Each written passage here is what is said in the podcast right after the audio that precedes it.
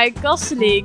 Hier zit ik samen met Rob en Piotr aan tafel. En hebben we het over van allerlei dingen dat wij heel leuk vinden. En vandaag gaan we het hebben over de WED, de Wereldjongerendagen. En meestal is er altijd wel iets te beleven. Want eh WED, tenminste ik zie het als een, eh, een mooie reis waar je veel mensen leert kennen. Die ook hetzelfde erin staan als jij. En ook andere perspectieven hebben waar je heel veel van kan leren. Maar ook gewoon een hele gave reis waar je mooie herinneringen kan maken met eh, ja, andere Ja. gelovigen. En we hebben hier natuurlijk een WD-veteraan. Want eh, Rob zit... eh, ja, daar komt het op neer. Hoeveel oud? 29, 30, 30 en dan 50? eh, kan, ik kan bijna met pensioen. nou, voor een eh, jongere pelgrim ben ik inderdaad bijna met pensioen. Nou, maar Vijf- volgens mij... Maar vertel eens even hoe dat een normale of een gemiddelde WD gaat. Een korte lijn. In korte lijn zijn, kun je de Wereldjongerendagen eigenlijk in twee, soms drie delen delen. Het eerste week is het voorprogramma. Dan verblijf je in een bisdom, in het land of in een buurtland van waar het plaatsvindt. Dan verblijf je tussen de lokale bevolking en die hebben allerlei dingen voor je ge- georganiseerd. De tweede week is het hoofdprogramma. Dat bestaat uit enkele grote evenementen. De welkomstviering. Dan is de aankomst van de paus. Dan is de kruisweg en je sluit af bij de grote mis op het veld, waar je eerst ja, een nachtje doorbrengt met z'n allen. Soms heb je in de laatste week heb je nog een naprogramma, maar dat eh, van alle vijf de WED's dat ik mee ben geweest, zijn er vijf, ja, heb ik dat pas twee keer meegemaakt. Ja, en, en je merkte vooral dat de derde week vaak wel een vakantie is. Tenminste, dat was bij Panama. Dat was de derde week was eigenlijk meer een vakantie dan echt een diepgaande week. Nou, niet op de bedden waar wij lagen. Ik lag eh, bij een be- bepaald individu die eh, Maar veel geluid produceerde in de avond. ja, maar ik heb wel begrepen van veel mensen dat ze de derde week ehm, veel betekenisvoller vonden dan de weken daarvoor. Ik denk dat bij een Wereldjongerendagen, ehm, het, het zijn eigenlijk drie totaal verschillende dingen vaak. Het voorprogramma draait veel meer om ontmoeting. Je draait mee binnen de lokale cultuur. Eh, het hoofdprogramma is het massale, het grote. En het naprogramma is inderdaad meer ontspannen. En vaak ook iets meer ruimte voor het persoonlijke gesprek. Eh, op de WD in Panama zag je dat eh, priesters wat opener werden. En dat er ook wat meer gesprekken mee mogelijk waren. Maar ik merkte ook wel dat, omdat iedereen dus wat meer ontspannen was en je was niet meer zo bezig met heen en weer rennen en leuk doen naar mensen die je niet kent, merkte je ook wel dat je meer het gesprek aan kon gaan van hoe anderen daarnaar keken. Bijvoorbeeld, soms waar je tegenaan kan lopen als katholieke jongere, ja, kan je niet even makkelijk altijd bespreken met ongelovigen. En op dat moment is dat wel heel fijn dat je dat dan wel met anderen kan doen. En inderdaad, ik vond het in Panama echt heel leuk dat die priesters dan ook vertelden hun verhaal. En dat je al eigenlijk gewoon eh, onbeperkt vragen kon vuren. En eh, dat alles wel heel open daarin was. Dat klopt, maar het is, eh, iedere WED is wat dat betreft anders. Eh, in Australië is de andere WED waar nog een duidelijk naprogramma was, waar ik mee ben geweest, laat ik het zo zeggen. En daar was het naprogramma veel meer uitjes met je gastgezin, met de groep. Toen gingen we naar een eh, wildlife park waar je met een kangoeroe kon knuffelen. Ja, maar dat kon ook in Panama, hè? Je had drie programma's volgens mij. En wij hebben gekozen voor het Relax-programma. Je kon ook... Je kon Zelf- naar Mexico. Ja, en je kon een reis zelf nog maken. Dat je alleen het vliegticket had, dat je zelf ging rondtrekken. En dan naar Ja. Mexico. Maar Mexico deed volgens mij maar vier mensen of zo, toch? Vanuit ons bisdom wel, ja. Ja. Maar het, het, is wat ze, het, het kan heel erg verschillen. Wat je als naprogramma, maar ook als wat je als voorprogramma had. Het voorprogramma in Australië was eh, iedere dag een bijeenkomst op een enorme paardenbaan. Met min 20 in een soort tent. Wat heel koud was. Waar wij eh, het vliegtuig uitkwamen in onze shirtjes. Heel blij, we gaan naar Australië. En maar één trui mee hadden genomen. Waar we blij waren dat de mensen daar wat eh, kleding voor ons hadden. Maar bijvoorbeeld in Brazilië was het heel anders. Dan ging je ontwikkelingswerk doen met de mensen. Of in Polen gingen we... Wat heb ik in Polen gedaan, Piotr? Nou ja, in Polen was het eigenlijk meer het ehm, focussen op de cultuur zelf daar. En meer een beetje, eh, ja, toerist uithangen. Nou, dat niet per se. Meer de, ja, toch wel. Maar omdat je zo'n drukke schema had, dat het toch wel een WD-gevoel creëerde. Vaak, volgens mij hebben we alle dagen wel mis gehad. Waaronder ehm, één dag een mis met alle WD-pelgrims van het bisdom. hebben we toen gehad.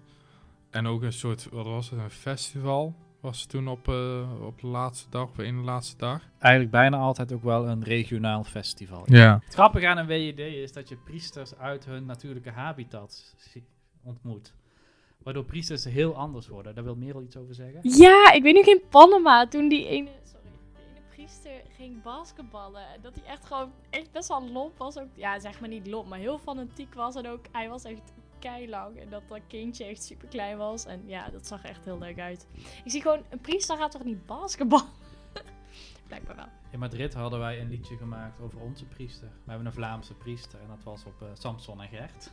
Nou ja, maar je merkt wel dat op zo'n WED, omdat je natuurlijk twee weken met je priester, die je vaak alleen maar op altaar ziet, ehm, meemaakt, dat je ook gewoon mm, hen meer begint te zien als echt een normale mens, in plaats van iemand die daar alleen maar op het altaar zit en in een pak rondloopt. Die bouwt er inderdaad een hele andere band mee op. Zitten denk ik nog meer voor goede verhalen. Je, eh, ik had een gitaar mee in Brazilië omdat ik eh, de gitarist van het WED-koor was. Ons, eh, onze reiskoor, ons bisdomkoor om het zo te zeggen. Hele goede liedjes dat jaar. kan ik zeggen. En wij gingen ouderen bezoeken. En opeens zaten we daar in het midden tussen de ouderen liedjes te spelen met elkaar en te zingen. Terwijl die, die, wij konden hun niet verstaan, zij konden ons niet verstaan. Ja, wat ik persoonlijk het meest ehm, speciale vond, is dat, ehm, ja, hoe moet ik dat zeggen? Dat was eigenlijk ons gastgezin in de eerste week. Rob en ik zaten wel in hetzelfde gastgezin uiteindelijk. En even voor de duidelijkheid, ik kende niemand hier aan tafel voor de WD in eh Krakau. Maar wat blijkt, eh, ik zou eerst in een ander gastgezin ehm, komen. Maar omdat ze daar waterproblemen hadden, was ik overgezet naar iemand anders. Maar daar zaten we al met z'n zevenen. Zes, jij bent er toen bij. Ja, met, Met nog twee meisjes. nou, in, principe, trouwens. in principe zouden er alleen drie jongens zijn. Vier. Nee, maar daar waren nog twee meiden bijgekomen en ik. En er was een eh, familie. Die had drie oudere zoons. Die woonden volgens mij wel buiten het huis. Eh, volgens mij hadden ze toen twee adoptiekinderen. En vijf pleegkinderen. Dus, volgens, dus eh, in, in, totaal met tien eh, mensen thuis. En toen kwamen wij nog. En al die kinderen die zijn naar de oudste zoons gegaan. Naar oma's en tantes. Om daar nachtjes door te brengen. En ik denk dat Rob daar wel leuke ervaring mee heeft gehad. Want ja, als je met z'n zevenen zit, dan eh, heb je wel een leuke tijd. Maar wat je me wel bijvoorbeeld merkte, is dat, dat ik wel zo'n beetje de enige was die een beetje kon communiceren. Zeg maar de enige, want in Polen spreken zeker de oudere generatie Nee. geen Engels, soms een beetje Duits. De jongere wel. generatie die kon wel goed Engels. Ik merk volgens mij wel één of twee van de kinderen konden wel een beetje Engels. Maar ja, dus hebben we ook een nacht gehad dat, dat we tot eh, hoe laat? Tot vier uur bleven zitten en praten over van alles. En eh, ik weet nog toen we een keer gingen slapen. Toen, zijn we, toen had ik de gordijnen open gedaan zodat ik een beetje op tijd zou opstaan. En dan bleek de zon al eh, op te staan. En om 7 uur moest ik bij de kerk zijn. Ja, en die dag hadden we eerst een voetbalwedstrijd. En vervolgens gingen we naar een klimbos. Dat ging niet snel met ons groepje. Nee, maar dat was wel lachen, want wij wisten niet waar we naartoe zouden gaan. Dus dat was voor ons wel een beetje een verrassing. Ja, dat was heel leuk. Ook met de kinderen van het Ja. gezin. En Je merkte wel dat de taalbarrière toen niet zo heel aanwezig was. Wat ook lachen was, is dat de goede kennissen van onze gastpapa's en mama's, ehm, die hadden zelf ook twee Deense meiden. Die ook vanuit, ehm volgens mij, Argentinië. Ze waren toen volgens mij toen van ver weg mee. zou kunnen. In ieder geval we hadden een barbecue met die Ja. mensen erbij. En ze kwamen ook best wel vaak, dus zo zie je maar weer dat, eh, dat alles wel heel makkelijk gaat op een WD. Oh, absoluut. In, in het voorprogramma in Madrid zat ik eh, met een hele goede vriend in een gastgezin. En nog iemand trouwens. En mijn goede vriend, die kon heel goed eh, ballondieren vouwen. De kleinkinderen van ons gastgezin kwamen op bezoek. Die hadden de avond van hun leven. Die, eh, hij is heel de avond bezig geweest met ballondieren vouwen. Maar het is ook, het is grappige is, eh, in, Panama ik zat eh, in een gastgezin, die mensen waren ja, echt heel arm. Ik en mijn partner in crime, wij, moesten, wij sliepen ja, in een, in ja, wel in een bed gelukkig. Op, op de slaapkamer van de, van, de, van de kinderen. En echt naast ons was het kippenhok. Ze hebben daar geen ramen. Dat hoorden wij dus heel de nacht. Maar ze hebben daar geen ramen, maar het zijn meer een soort gaten in de muur. Dus we hadden heel de nacht het idee dat, ja, dat die kippen naar binnen zouden Ja. komen. Dan merkte ik wel dat, dat de ramen, dat is, als je geen airco hebt, dan eh, hebben weinig mensen ramen. Die hebben meer een soort versiersel Ja. in een muur om een gat te maken. Precies. En eh, onze toilet, er lag een stukje het oerwoud in. Dat was een soort golfplatenhutje met een gat in de grond. Ja, meer was het niet. En wij durfden, s'nachts durfden wij niet naar het toilet te gaan. Dus hebben we maar een boompje gezocht. En blijkbaar heeft mijn eh, partner in crime het, het kippenhok gevonden. Maar eh, jullie hadden dus heel makkelijk een ontbijtje op bed, zo'n eh, vers kipje. Dat gelukkig niet. We hebben wel verschi- verschillende andere dieren gezien. Maar als je toch de hele wereld zo afreist, dan hebben we het dan ook vaak over eten.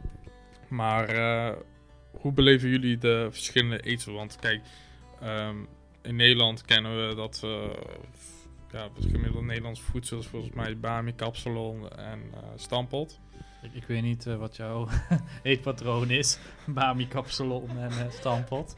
Nee, het is een hele goede vraag. Ik moet zeggen dat het Zuid-Amerikaans eten veel bonen en rijst. En kip. Iedere dag kip. Dat was in, in Panama heel erg Ja, inderdaad. In de- Brazilië was dat minder, maar Ja. dat vond ik heel goed te doen. In Panama was dag 1 kip, bonen, rijst. Dag 2 was bonen, kip met rijst. En de dag 3 of 4 was kippensoep. En gefrituurde kip als ontbijt. Oh ja, want al die, je hebt dan van die bonnetjes waar je kan van eten. En waar kon je halen? Kip. Die, eh, Alleen maar kip, Hoe heette dat ook weer? Piri piri, Nou, toch? Om even uit te leggen hoe zo'n bonnensysteem werkt.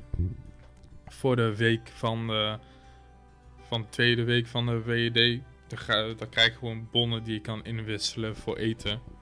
Dus vaak is dat, zijn er al eh, heel veel restaurants die al een soort menu opzetten wat je kan inwisselen. En dat werkt echt best wel goed vaak. Ja, dat verschilt per WED. Ja, als je handig bent met eh, kaarten, dan eh, is dat wel prima te doen, denk ik. En Panama was niet zo heel druk, dus toen konden we heel vaak naar de Subway. Nee, dat klopt. Dat, En eh, Polen was één groot drama. Ja, maar om even perspectief te stellen, eh, in Polen waren volgens mij 3,2 miljoen mensen. Ja. En in Panama 800.000 mensen op de ja. drukste de momenten, zeg maar. Rio was ook meer dan 3 miljoen. Ja, dus dan moet je nagaan. Wat dat betreft qua organisatie was de beste WED in Sydney, want er waren er, ik geloof 600.000, 700.000. En Sydney is echt een megastad. En ze hadden daar heel, heel het openbaar, of heel de, alle wegen in het centrum afgesloten. Wij konden bij het openbaar vervoer zo doorlopen. Dat was echt perfect geregeld. Al die politieagenten heel behulpzaam. Ja, ik moet eerlijk zeggen, ehm, ja, mijn eerste WD in Polen, dat vond ik ook niet dramatisch gaan of zo. Ik vond dat ook Nee. gewoon goed. Kijk, je hebt te maken met zoveel miljoenen mensen die opeens in de stad komen. Dus ehm, ja, ik denk dat het, dat het al vanzelfsprekend is dat als er iets neer kan worden gezet, dat het al best wel goed is gegaan dan. Maar goed, dan gaan we al over de WED zelf hebben. Terwijl we nog bij het voorprogramma waren. Wat is het meest bijzonder wat jullie in een voorprogramma hebben meegemaakt? Merel. Oh, ik vond het echt heel cool toen we eigenlijk gewoon die, eh, waar we het net over hadden, dat, dat je zeg maar met verschillende Nederlanders dan die mis hebt. En ik vond het echt heel leuk dat iedereen dan zijn eigen bandje had. En dat sommigen echt zo'n heel mooi klassieke koor hadden, dat het echt heel vet klonk. Terwijl anderen echt een zieke band hadden en waar je lekker op kon zingen. En dat vond ik ook wel echt stoer. En ik vond dat wel een van de leuke dingen, dat zeg maar in iedere kerk wordt de mis zo anders gevierd. En ik vind die van Nederland vind ik wel leuk of zo, maar ik vind het ook leuk om te kijken hoe anderen het vieren. Je merkt ook zeker in Panama dat eh, de geloofsbeleving in eh, Zuid-Amerika heel anders is dan bij ons. Kijk, hier zit je in de mis, mompel je een beetje de pastoor na. Ga je staan wanneer je moet Nou, staan. Ga je zitten Dat is wanneer ook je wel moet heel zitten. erg te veel door de bocht, maar... Heel even overdreven. En daar is, is geloof een feest. Ze dansen nog net niet de kerk uit, zeg maar. Nou. Ze, dansen, Nou, ze, ze dansen de kerk in, zeg maar. Ja. Ik, ik, ik weet dat wij in Rio aankwamen en dat we daar, ik geloof, eh, bij een mis iets van 20 misdienaars hebben. Dat wij onze priester die er een moment bij was, en die zei van, oh, daar kan ik alleen maar van dromen bij ons in de parochie. Ja. Nou, wat mijn moment, wat, waar ik altijd aan denk, was ehm, in ons gastgezin in Panama. Daar eh, was die gastpapa, die was daar eigenlijk heel trots op zijn kippen. Of überhaupt zijn tuin. Dus hij liet er met vol trots zien hoe er allemaal uitzag, hoe alles werkte. En hij eh, liet ons ook alle kippen zien. En volgens mij waren er vijf of zes in ieder geval. Ja, zes. En de volgende dag gingen we gewoon rustig even in de tuin lopen. En ik tel alle kippen. Nou, volgens mij miste er eentje. Nou, drie keer raden we wat we toen al als ontbijt hadden. Kippensoep. Ja, maar ze eten daar volgens mij niks anders. Mijn eerste WED was bijzonder. Wij sliepen eh, buiten het stadje in Australië op een boerderij. Ook met een man of acht, als ik het goed heb. En als je 's ochtends wakker werd in de schemering, zag je de kangoeroes op de heuvels voorbij huppen. Waren net grote konijnen, een afstandje. En ja, ik denk dat in het algemeen het bijzondere is, is hoe mensen je opnemen in hun huis. Zo'n gastvrijheid, dat zul je in geen hotel vinden. Mensen die hun bedden afstaan aan je, die de beste ham van het dorp halen. Mensen die echt letterlijk alles doen om het jou naar je zin te maken. En dan kom jij aan met je doosje stroopwafels en je kaasschaaf als cadeautje terug. Maar dat, is- dat is denk ik het meest bijzondere van het, eh, van het voorprogramma. Nou, daarbij heb je ook allerlei activiteiten die ook leuk zijn. Meestal wel een voetbalwedstrijd. We ben- verliezen altijd, volgens mij. Panama hadden we gewonnen. Oh, echt? Ik had de winnende gescoord. Ik ben trouwens eeuwig topscorer van Jong Bisdom Den Bosch.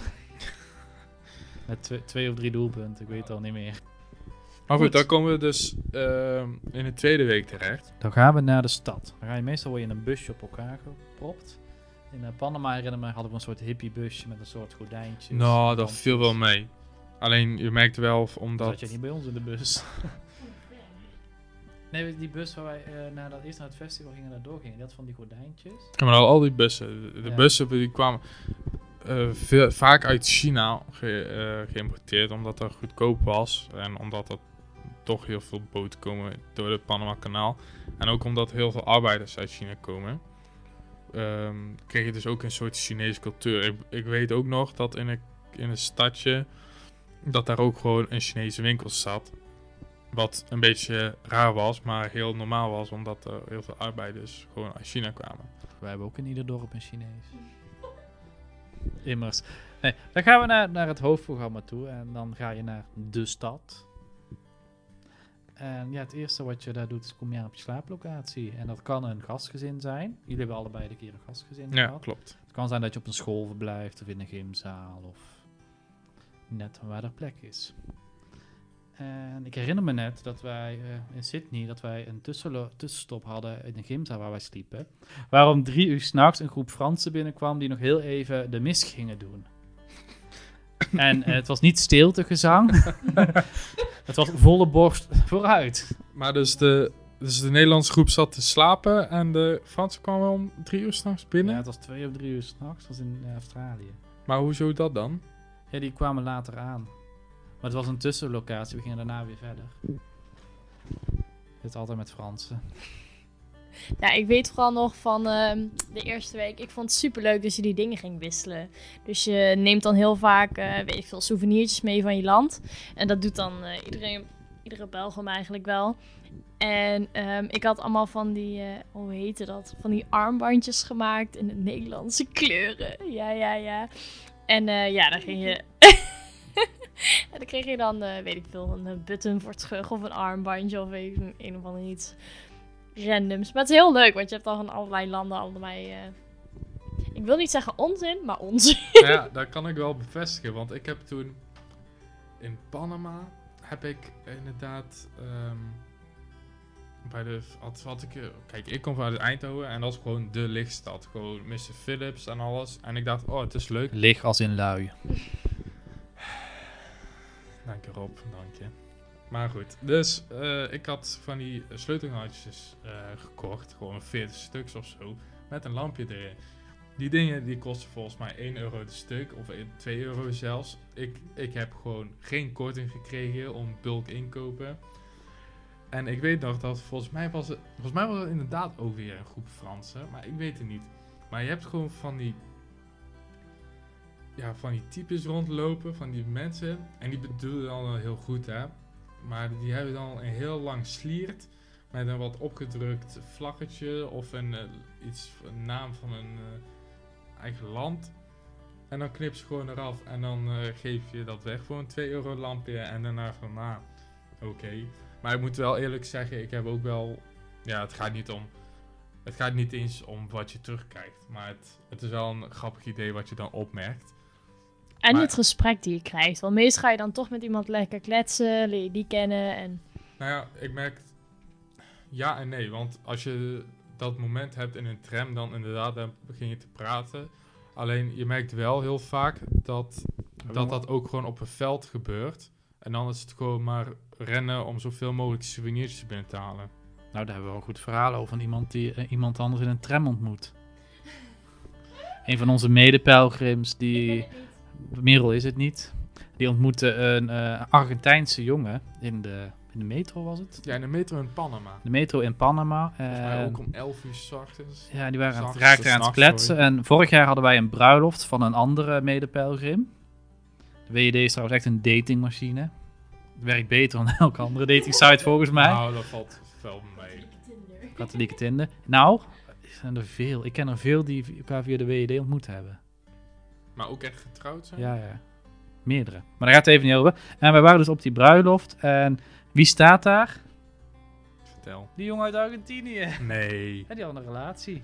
Nou, ik, ik herinner die jongen uit Argentinië nog. Want Rob en ik, volgens mij, Ja. die zaten nog eerst met hem te kletsen. Dus eigenlijk waarom ze samen zijn, is eigenlijk door ons. We, we zouden eigenlijk gewoon credits moeten krijgen. Dat wil ik niet zeggen, maar... Maar goed. nee, wat Maar wij hebben dus nog een foto gemaakt toen, een selfie. Maar wij hebben dus dat no foto nooit gekregen. Tot die bruiloft. Daar heb ik die foto gewoon toen gekregen en doorgestuurd gekregen. Dus ik vond dat best wel geinig. Maar jullie vergeten het leukste deel. Oh. Toen was het namelijk dat hij opeens terecht kwam bij het veld.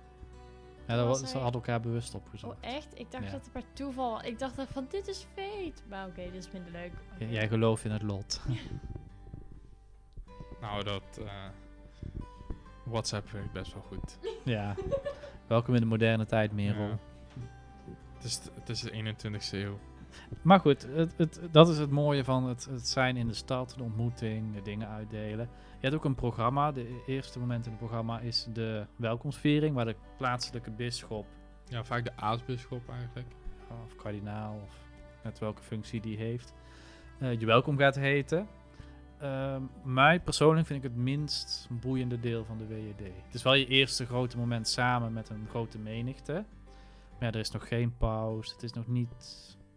Nou, ik vind, het, ik vind het juist wel het tegenovergestelde. Het is, het is omdat, omdat je met zoveel mensen te maken hebt, is dat wel een moment van, oh ja, dit is, dit is waarom ik hier ben. En dan moet er nog gebeuren. Dan komen steeds meer mensen. Dan Eh, het tweede grote evenement is de, de ontmoeting met de paus. na ontmoeting, de welkom. Ja, vooral. Het is niet, het is niet, het is eh, is het een viering? Ja, toch? Welkomstviering. Het is niet dat we de paus allemaal een handje mogen gaan geven. Nee, oké. Het is wel even bezig. Nee, maar hij doet wel een grote ronde door de menigte, weet ik nog wel. Vaak wel, ja. Ja, daar neemt hij echt wel de tijd voor. Ik kan me herinneren dat een van onze medepelgrims een enorme fan is van deze paus. En dat hij helemaal uit zijn dak ging toen de paus voorbij kwam. En de legendarische woorden schreeuwde... I love you, paus Franciscus. I love you. Ik hou van u. Ja, daar, daar was ik er niet bij, maar... eh, De WED doet gekke dingen met je. En Maar ook dat je de hele tijd dat liedje ging zingen. Van Papa Francesco. Ik weet niet, hebben jullie dat ook niet? Dat zit ook steeds in mijn hoofd. ja, ik merk wel vaak dat, eh, ja, dat er wat... Nee, die niet. Van Papa Francesco. Tss, tss, tss. Nou, het is wel... ik wil het geen liedje noemen. Maar Nee. Maar het zijn... Het, het, het, ik snap wel wat er meer al bedoelt. Het is een soort, ja... Een jel. Ja, een jel is het eigenlijk, hè. En wordt vooral door de Zuid-Europeanen goed doorgedrukt. Ja, maar ze Om hebben, 11 uur s'nachts. ze hebben altijd een beetje van dat soort eh, Ja. energieke... Ik weet niet. Ja, terwijl je zelf in een zwetende metro staat, eh, krijg je een eh, goe- goede jel overheen. Ja, en dan zingen wij eh, Brabant van Guus Meeuwis terug. Maar ik vind wel dat we dat altijd wel heel goed doen. dat denk ik ook. Nie- nie- niemand kan dat zo, zo goed met de zachte G als wij. Nee. Maar ik kan me herinneren dat in de krant stond, stond iets van de titel van Wereldjongerendagen, waar de paus als een soort rockster verwelkomd wordt. Ik denk dat dat wel een goede omschrijving is op zich. Ja. Ja, Gillende menigtes. ja dat wel. De, de donderdag eh, daarna, dat is de... Kruisweg. Ja. En de kruisweg, daar gaat de lokale mensen gaan de lijdensweg van Jezus uitbeelden op hun eigen manier. In Australië werd het bijvoorbeeld, eh, Eigen manier, hoe bedoel je dat dan? dat ga ik nu uitleggen. In Australië werd het bijvoorbeeld heel erg eh, in verbinding gebracht met het, met het leed van de aboriginals daar. Dus dat, verschil, dat verschilt per land, vaak met culturele lokale eleme- elementen erin. Ja, ik merk wel dat, eh, dat er altijd wel heel, ehm, heel veel energie wordt ingestoken in de voorbereiding daarvan. Dat het heel visueel wordt neergezet. Ik weet nog in Polen dat het ehm, best wel hard is neergezet. Dat eh, het eh, drama daarvan, als ik het zo even goed mag noemen, eh, goed is neergezet. Door bijvoorbeeld heel veel gehuil en dat soort dingen. Maar in Panama is het juist neergezet met heel veel dans en heel veel muziek. Nou, dat maakt het ook leuk. Dat zeg maar iedere WD zo anders in elkaar wordt gezet. Dat het altijd nieuw is en dat het altijd, ja, voor iedere, weet niet hoeveelste WD je dan ook hebt, dat er dan altijd weer iets eh, te beleven valt. Ja, geen één WD is hetzelfde. Oh, absoluut niet. Dat kan ik beamen. Eh, ik moet zeggen, bijzonder in de week in de stad is ook de...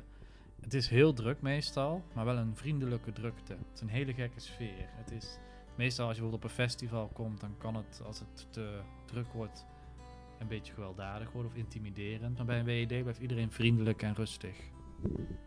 Ik weet nog wel, ik liep ergens en ik was een beetje dol aan het doen, want ik had een flesje, dus ik wilde die in de prullenbak gooien. En toen gooide ik hem per ongeluk echt vol tegen iemand aan, maar echt heel hard. zei ze van, oh sorry, sorry, sorry. Dat zei die ander, dus niet eens ik. Nee, maar dat is wel... Kijk, dat is een beetje het eh, dubbel gevoel van in een gastgezin verblijven in de tweede week. Omdat je zo eh, veel op pad bent. De hele dag ben je gewoon op pad. Dat je eigenlijk niet eens met je gastfamilie kan zijn. Ik moet zeggen, dat in een school verblijven is prettiger, omdat je, je blijft binnen je eigen groepje. Je kunt aan het eind van de dag even met elkaar buiten zitten en... eh, Ja, want het, Even is echt heel druk. Dus het is Ja. ook heel belangrijk om voor elkaar te zijn. Ik moet zeggen, qua luxe is het wat minder. In Rio hadden ze de douches. Hadden ze op het dak hadden ze een enorme watertank gezet. En zo met een soort leidingen naar binnen. Dat de toiletten ook douches werden.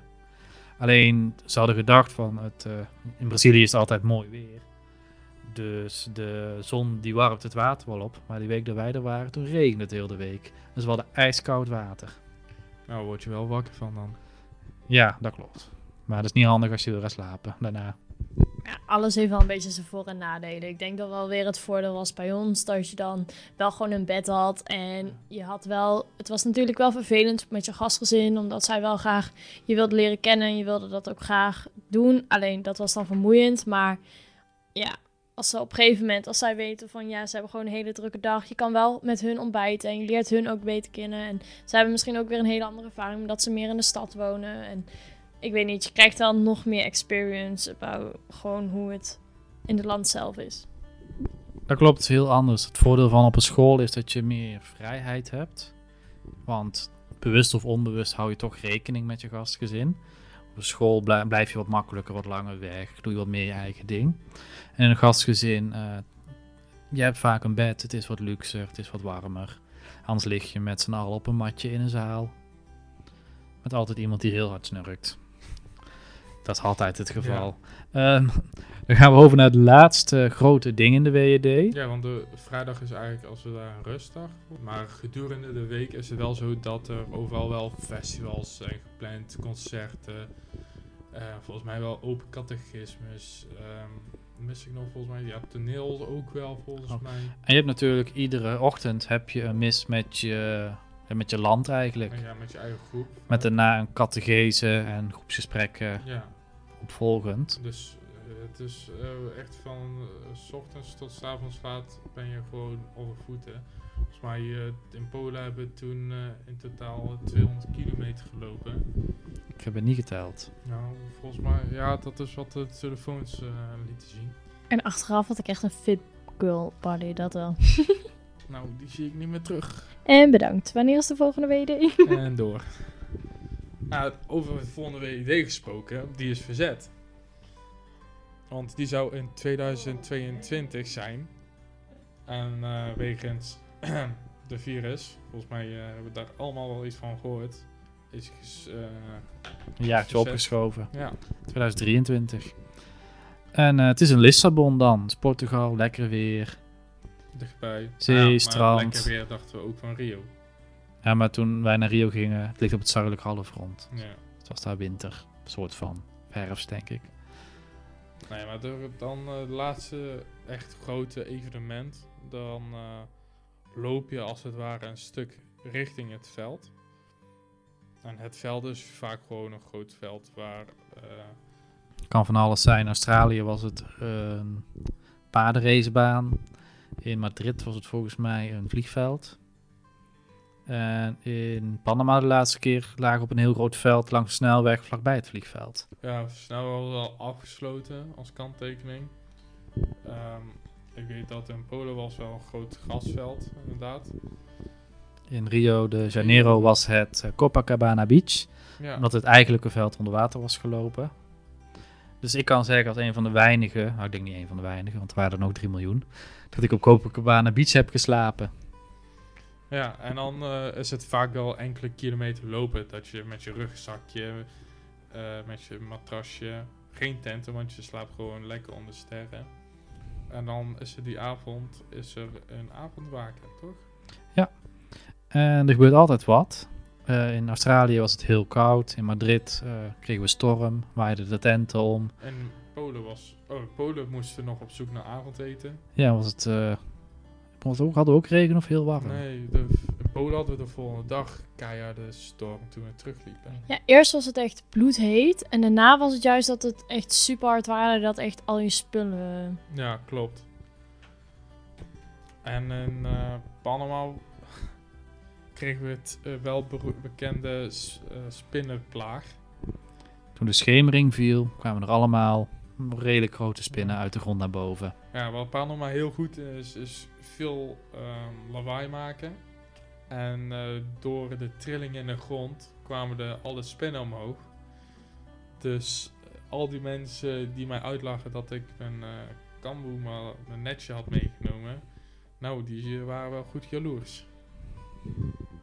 Nee, echt. Ik had ook zo'n ding mee. Maar op een gegeven moment die spinnen... Oh, sorry. Ik was echt weer te fanatiek. Maar die spinnen, die zaten zeg maar zo bovenop je. Maar ook gewoon, die konden er zo onder kruipen. En die zaten dan helemaal over je heen. En je keek ze gewoon aan. En je zag van die vieze poten boven je. Nee, het was gewoon... Nee, terror.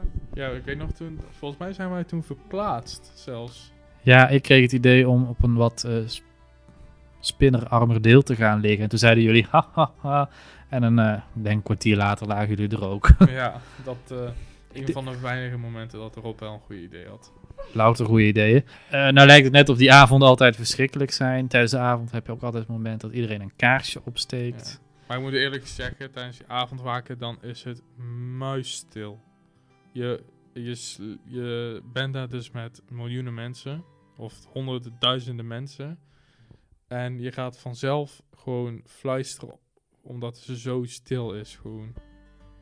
Dat klopt. Eh, zeker de nacht is heel stil. Als je bedenkt dat je met soms met miljoenen mensen op een eh, redelijk of relatief klein veld ligt. Ik heb eh, weinig plekken waar ik zo goed geslapen heb. Dat is waar. In Australië werd ik pas tijdens de mis wakker.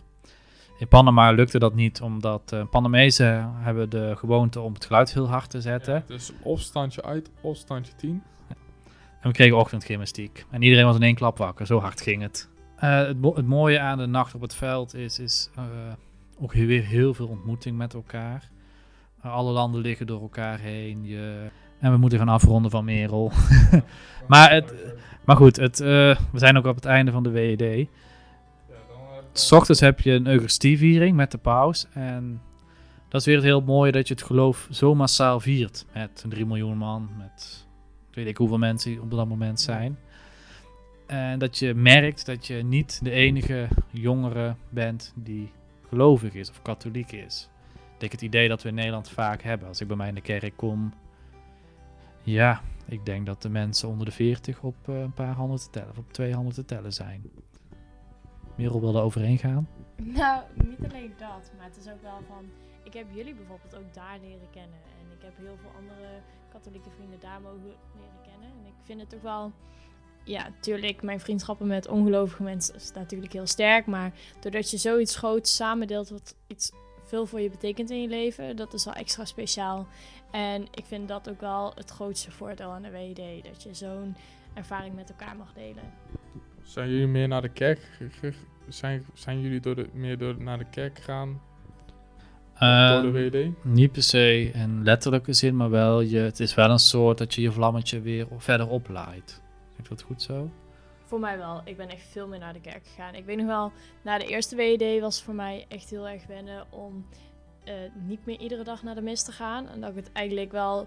Ik weet niet, in het begin vond ik het echt niet chill dat we iedere dag een mis hadden, want dat was ik gewoon niet gewend. En toen ik terugkwam, toen ging ik het echt missen. En dat ik echt naar uitkeek dat het weer zondag werd. En dat had ik nooit verwacht dat ik degene zou zijn die dat zou ervaren.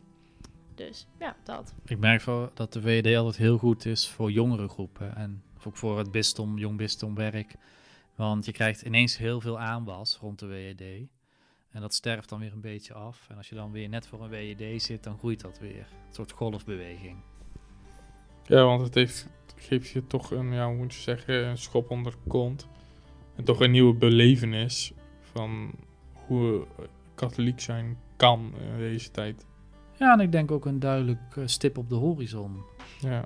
voor je geloof. Maar goed, dan stappen we, lopen we vaak nog kilometers terug vaak bezweet. In de uh, hitte, niet gedoucht, geen tanden gepoetst, stinkend. Niet... Som, ja, soms nog een, uh, in de regen, in de onweer. En dan ga je meestal op terug naar je slaapplek. Dan ga je daar even douchen, opfrissen. En dan zit eigenlijk, ja. verblijf je meestal nog één nacht en dan ga je terug. Of je hebt een naprogramma. En de naprogramma is meestal meer ontspannend. Ja. Dan bijvoorbeeld in Panama zaten wij aan de kust, waar we af en toe naar het strand gingen. En ja. Met een groepje Kenianen, dacht ik, Afrikanen. Maar een naprogramma is inderdaad wel vaak het idee als je ver weg gaat. Ja. ik weet in Panama dat ik alleen twee weken ben gegaan. En toen moesten we snel naar het vliegveld. Toen werd het gezellig, ja. Merel. Toen werd het leuk, want toen was Piotr er niet meer. Grappig. Nou, ik weet dus dat ik nog heel bezweet op die terminal zat. En dat was echt super raar, want je had al die mensen die netjes in pak kwamen. En dan lagen wij daar stinkend. Nou, niet per se stinkend. Maar weinig geslapen. Echt niet normaal. We waren gewoon helemaal dood. Ondertussen lagen wij lekker op de stand met ons kokosnootje. Lekker aan de ene hand. En lekker muziek en kletsen. Ja, waren zware tijden. Aan het bijbruinen. Biertjes aandrinken. Gewoon het goede leven, zeg maar. Nee, we gaan, eh, we gaan deze Kasteliek afronden. Uh, wij hopen dat jullie de volgende keer weer luisteren. We proberen de volgende keer iets eerder te laten zijn dan deze. Uh, zoek ons op Facebook op, geef ons dan een like en laat weten wat jullie willen horen, wat jullie wel goed vonden, wat jullie niet goed vonden. En als je onderwerpen hebt, graag. We staan voor alles open. Merel wil niks meer zeggen. Merel wil niks meer zeggen. En dan wens ik jullie namens Merel en Piotr en Piotr ook nog een hele fijne dag. En we hopen jullie de volgende keer eh, weer te horen. Tot ziens. Houdoe en bedankt.